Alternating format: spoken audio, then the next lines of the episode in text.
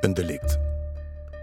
Een veroordeling. tot een gevangenisstraf van twee jaar. En dan eindeloos wachten.